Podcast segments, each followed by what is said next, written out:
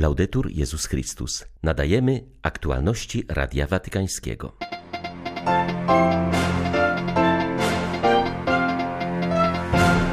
Papież modli się za ofiary zamachu na kościół w Demokratycznej Republice Konga. Z rąk islamistów zginęło co najmniej 17 zielonoświątkowców. Dzisiaj Dzień Judaizmu. Najważniejsze, by refleksja na temat relacji chrześcijańsko-żydowskich dotarła na poziom lokalny, do poszczególnych wiernych, podkreśla arcybiskup Grzegorz Ryś. Przy Bazylice Świętego Piotra powstała szkoła rzemiosła artystycznego. To nawiązanie do dawnych tradycji, kiedy pracujący w Watykanie rzemieślnicy przekazywali swe umiejętności z pokolenia na pokolenie. 17 stycznia witają Państwa ksiądz Krzysztof Ołdakowski i Krzysztof Brąk. Zapraszamy na serwis informacyjny.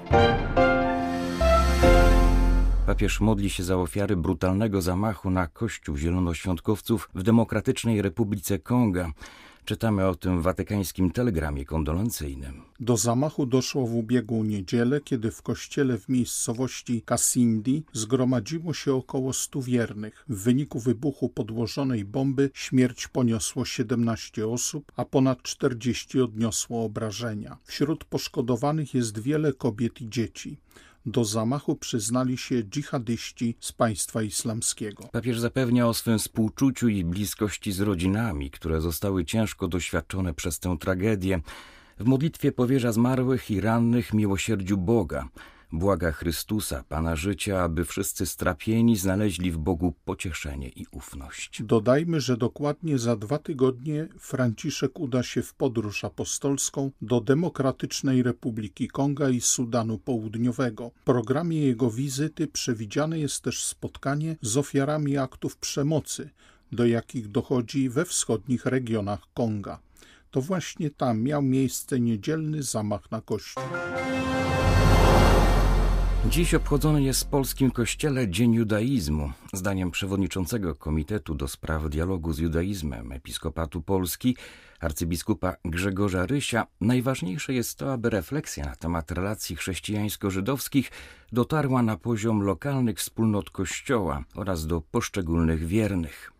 Metropolita łódzki przywołuje słowa listu papieża Franciszka z okazji obchodów 50-lecia Nostra Etate, w którym napisał, że z obojętnych i wrogów staliśmy się dla siebie przyjaciółmi. Arcybiskup Ryś zwraca uwagę na trzy wymiary obchodów Dnia Judaizmu. Pierwszy ma związek z historią, szczególnie dotyczącą II wojny światowej i czasów po jej zakończeniu, ale relacje chrześcijańsko-żydowskie mają na polskiej ziemi ponad 800-letnią tradycję i jest to bogaty materiał do naukowego pogłębienia. Drugi, który się z nim łączy, to jest e, moment wspólnej modlitwy w miejscach pamięci. I to jest być może jeszcze ważniejsze, bo właśnie wtedy historia uprawiana przez specjalistów ma szansę stać się pamięcią możliwie powszechną więc zawsze albo jest modlitwa na cmentarzu żydowskim, albo jest modlitwa na miejscu, gdzie kiedyś stała synagoga i została zniszczona w czasie II wojny światowej. Tak będzie w tym roku w Siedlcach, że na miejscu, gdzie stała synagoga, będziemy się modlić. I to jest o tyle bezcenne, że na tę modlitwę są zapraszani właśnie nie uczeni, tylko młodzież, dzieci ze szkół. To jest zawsze możliwie szerokie audytorium szerokie grono uczestników takiej modlitwy. Trzeci element to jest y, wspólna modlitwa, ale już z reguły skoncentrowana wokół Słowa Bożego, a nie wokół przeszłości czy miejsc pamięci. W tym roku to słowo jest skondensowane w wezwaniu z Księgi Wyjścia. Pan przechodzi, dziś wychodzicie. Chcemy to słowo czytać razem, bo mamy wszelkie prawo, tego nas uczył też papież Benedykt XVI, żeby czytając zwłaszcza Stary Testament, czytać go najpierw w jego naturalnym kontekście, czyli pytać także dzisiejszego Izraela, jak czyta ten fragment Biblii. Wojna radykalnie zmieniła sytuację ekumeniczną na Ukrainie, uważa Pawlos Mycyniuk, ukraiński teolog, który do niedawna był dyrektorem Centrum Studiów Ekumenicznych w Lwowie. Wskazuje on również na szczególną odpowiedzialność rosyjskich chrześcijan wszystkich wyznań w tym dramatycznym czasie.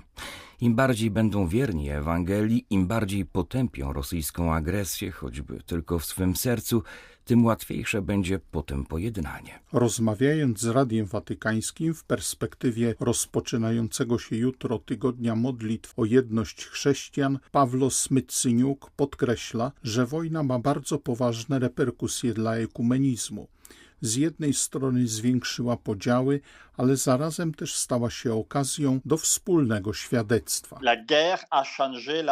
Wojna zmieniła sposób, w jaki wyobrażamy sobie jedność chrześcijan i o nią się modlimy. Kiedy ktoś żyje w pokoju, jak na przykład we Francji, Szwajcarii czy we Włoszech, ekumenizm nie jest kwestią praktyczną i niezbędną. Wiemy, że podział jest problemem teologicznym, błędem z przeszłości, ale nie ma to wielkiego wpływu na życie chrześcijan, ich wspólnot. Natomiast na Ukrainie wojna sprawiła, że co chwila brak jedności daje się odczuć jako problem egzystencjalny. Widać to w szczególności, kiedy patrzymy na prawosławie, na relacje między dwiema jurysdykcjami. Wojna sprawiła, że napięcia między nimi stały się jeszcze poważniejsze. Z drugiej strony można też jednak powiedzieć, że wojna zjednoczyła chrześcijan na Ukrainie, katolików, prawosławnych i protestantów, zjednoczyła ich w praktyce, w niesieniu pomocy humanitarnej, we współpracy międzynarodowej, aby głos ukraińskich chrześcijan został usłyszany za granicą. W pierwszych dniach wojny to przede wszystkim wschodnie regiony Ukrainy były najbardziej zagrożone. Żyją tam głównie prawosławni którzy musieli opuścić swe domy i udawali się na Ukrainę Zachodnią, gdzie żyje wielu katolików. Widzieliśmy, jak niewielkie wspólnoty protestanckie, które są przede wszystkim na wschodzie, współpracowały z katolikami i prawosławnymi w organizacji ewakuacji w najbardziej zagrożonych miastach, takich jak Charków. Boże, daj nam siłę, abyśmy mogli oczyścić Ukrainę, a zwłaszcza usunąć to, co niesie śmierć i zniszczenie. Modlił się w dzisiejszym orędziu arcybiskup Światosław Szewczuk. Przygotowując swych wiernych do uroczystości chrztu pańskiego, zwierzchnik ukraińskich grekokatolików zauważył, że Jezus, zanurzając się w Jordanie, wstępuje w otchłań ludzkich dziejów i bierze na siebie wszelkie zło, aby nas z niego oczyścić. Arcybiskup Szewczuk mówił też o bezwzględnym ataku sił rosyjskich na obiekty cywilne na Ukrainie. Symbolem tego stało się miasto Dniepr, gdzie pocisk przeznaczony do niszczenia lotniskowców został wycelowany w wielopiętrowy budynek, niszcząc ponad 200 mieszkań. Śmierć poniosły 44 osoby. Takie загальне відчуття, що відбувається поступова ескалація. W powszechnym odczuciu mamy do czynienia ze stopniową eskalacją tej wojny. Rosyjskie ataki nasilają się nie tylko na linii frontu, ale także w naszych spokojnych miastach i wsiach. Nasze wojsko dzielnie trzyma obronę przed wrogiem. Na Ukrainie panuje dziś wielki ból. Widzimy, że żadne miasto czy wioska nie może czuć się bezpieczne. Wróg zawsze szuka nowych sposobów, by obrać za cel ludność cywilną. Nasz Herson jest epicentrum nowego ataku Rosjan, którzy metodycznie ostrzeliwują szpitale w tym mieście. W tych dniach cynicznie zniszczono szpital dziecięcy. Jeszcze raz chcemy przypomnieć wszystkim, że tego typu zbrodnie na ludności cywilnej są naruszeniem międzynarodowego prawa humanitarnego, które obowiązuje podczas każdego konfliktu zbrojnego. Najbardziej cierpią dzieci i to zadaje największy ból naszym sercom, a według raportów państwowych władz Ukrainy oficjalnie za zaginione uznaje się 336 dzieci, zmarło 455. To są przypadki udokumentowane. 897 dzieci zostało rannych. W Watykanie działa od wczoraj przy Bazylice Świętego Piotra Szkoła Rzemiosła Artystycznego. Prowadzi zajęcia w trzech kierunkach: kamieniarzy i murarzy, tynkarzy i dekoratorów oraz stolarzy. Naukę rozpoczęło 20 młodych w wieku od 20 do 25 roku życia. Pochodzą z Włoch, Niemiec, Peru, oraz Białorusi. Jest to w istocie półroczny kurs, który nawiązuje do wielowiekowych tradycji Bazyliki Świętego Piotra, mówi ksiądz Francesco Occhetta z Fundacji Fratelli Tutti, która finansuje tę inicjatywę. Chcieliśmy odnowić tradycję, która istniała od XVIII wieku, kiedy to rzemieślnicy pracujący przy bazylice przekazywali młodym własne umiejętności w miejscowych warsztatach artystycznych, gdzie pewną praktyczną wiedzę przekazywano z pokolenia na pokolenie. Przewidzianych jest 200 godzin zajęć teoretycznych oraz 400 godzin zajęć w trzech różnych warsztatach. Młodych będą uczyć zarówno pracownicy Bazyliki Świętego Piotra, jak i dobrani przez nas rzemieślnicy z zewnątrz. Będą to przede wszystkim umiejętności konserwatorskie. Z niektórych będzie można korzystać przede wszystkim na miejscu, w bazylice, w tej przestrzeni sakralnej, aby ją restaurować i zachować. Jedynym sposobem na pokonanie mafii jest odebranie jej gruntu, którym jest oferowanie pracy młodym ludziom. Uważa biskup Giuseppe Marciante z Cefaluna, Sycylii. Wyraża satysfakcję z powodu aresztowania przez karabinierów szefa mafii, ale dodaje, że nie oznacza to końca Cosa Nostra i ciągle należy zachować wzmożoną czujność przed jej działaniami. Szef mafii został skazany na dożywocie za dziesiątki zabójstw. Biskup Marciante, który szczerze pogratulował karabinierom ujęcia groźnego przestępcy, przestrzega opinię publiczną przed zbyt łatwym optymizmem. To daje do myślenia, ponieważ to oznacza, że ktoś taki jak Matteo Messina Denaro, pozostający w ukryciu przez wiele lat, jest dobrze chroniony.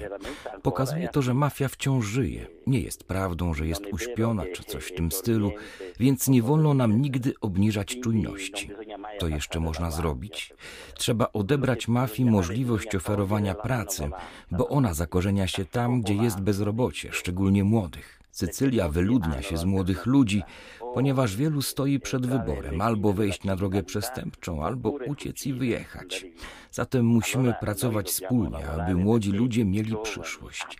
Z mafią nie ma przyszłości. Przyszłość naszym młodym może dać tylko społeczeństwo obywatelskie i państwo. Jako przedstawiciel Ojca Świętego przeżywałem doświadczenie wojny z wielkim smutkiem oraz dużym zaniepokojeniem z powodu cierpień ludności pozbawionej ochrony, wyznał nuncjusz apostolski w Etiopii arcybiskup Antoine Camilleri. Zauważył, że dwuletni konflikt w regionie Tigraj został uspokojony po podpisanym 2 listopada w Pretorii porozumieniu pokojowym między miejscowymi rebeliantami a rządem w Addis Abebie ale przed wszystkimi stoi jeszcze wiele pracy. Zniszczeń nie da się szybko naprawić, wskazał w wywiadzie dla Radia Watykańskiego arcybiskup Camilleri. Jeśli weźmiemy pod uwagę, że olbrzymi procent ludności regionu potrzebuje pomocy humanitarnej, mówimy o 90%, to widać, jak bardzo potrzeba czasu, aby mieszkańcy wrócili do normalnego życia.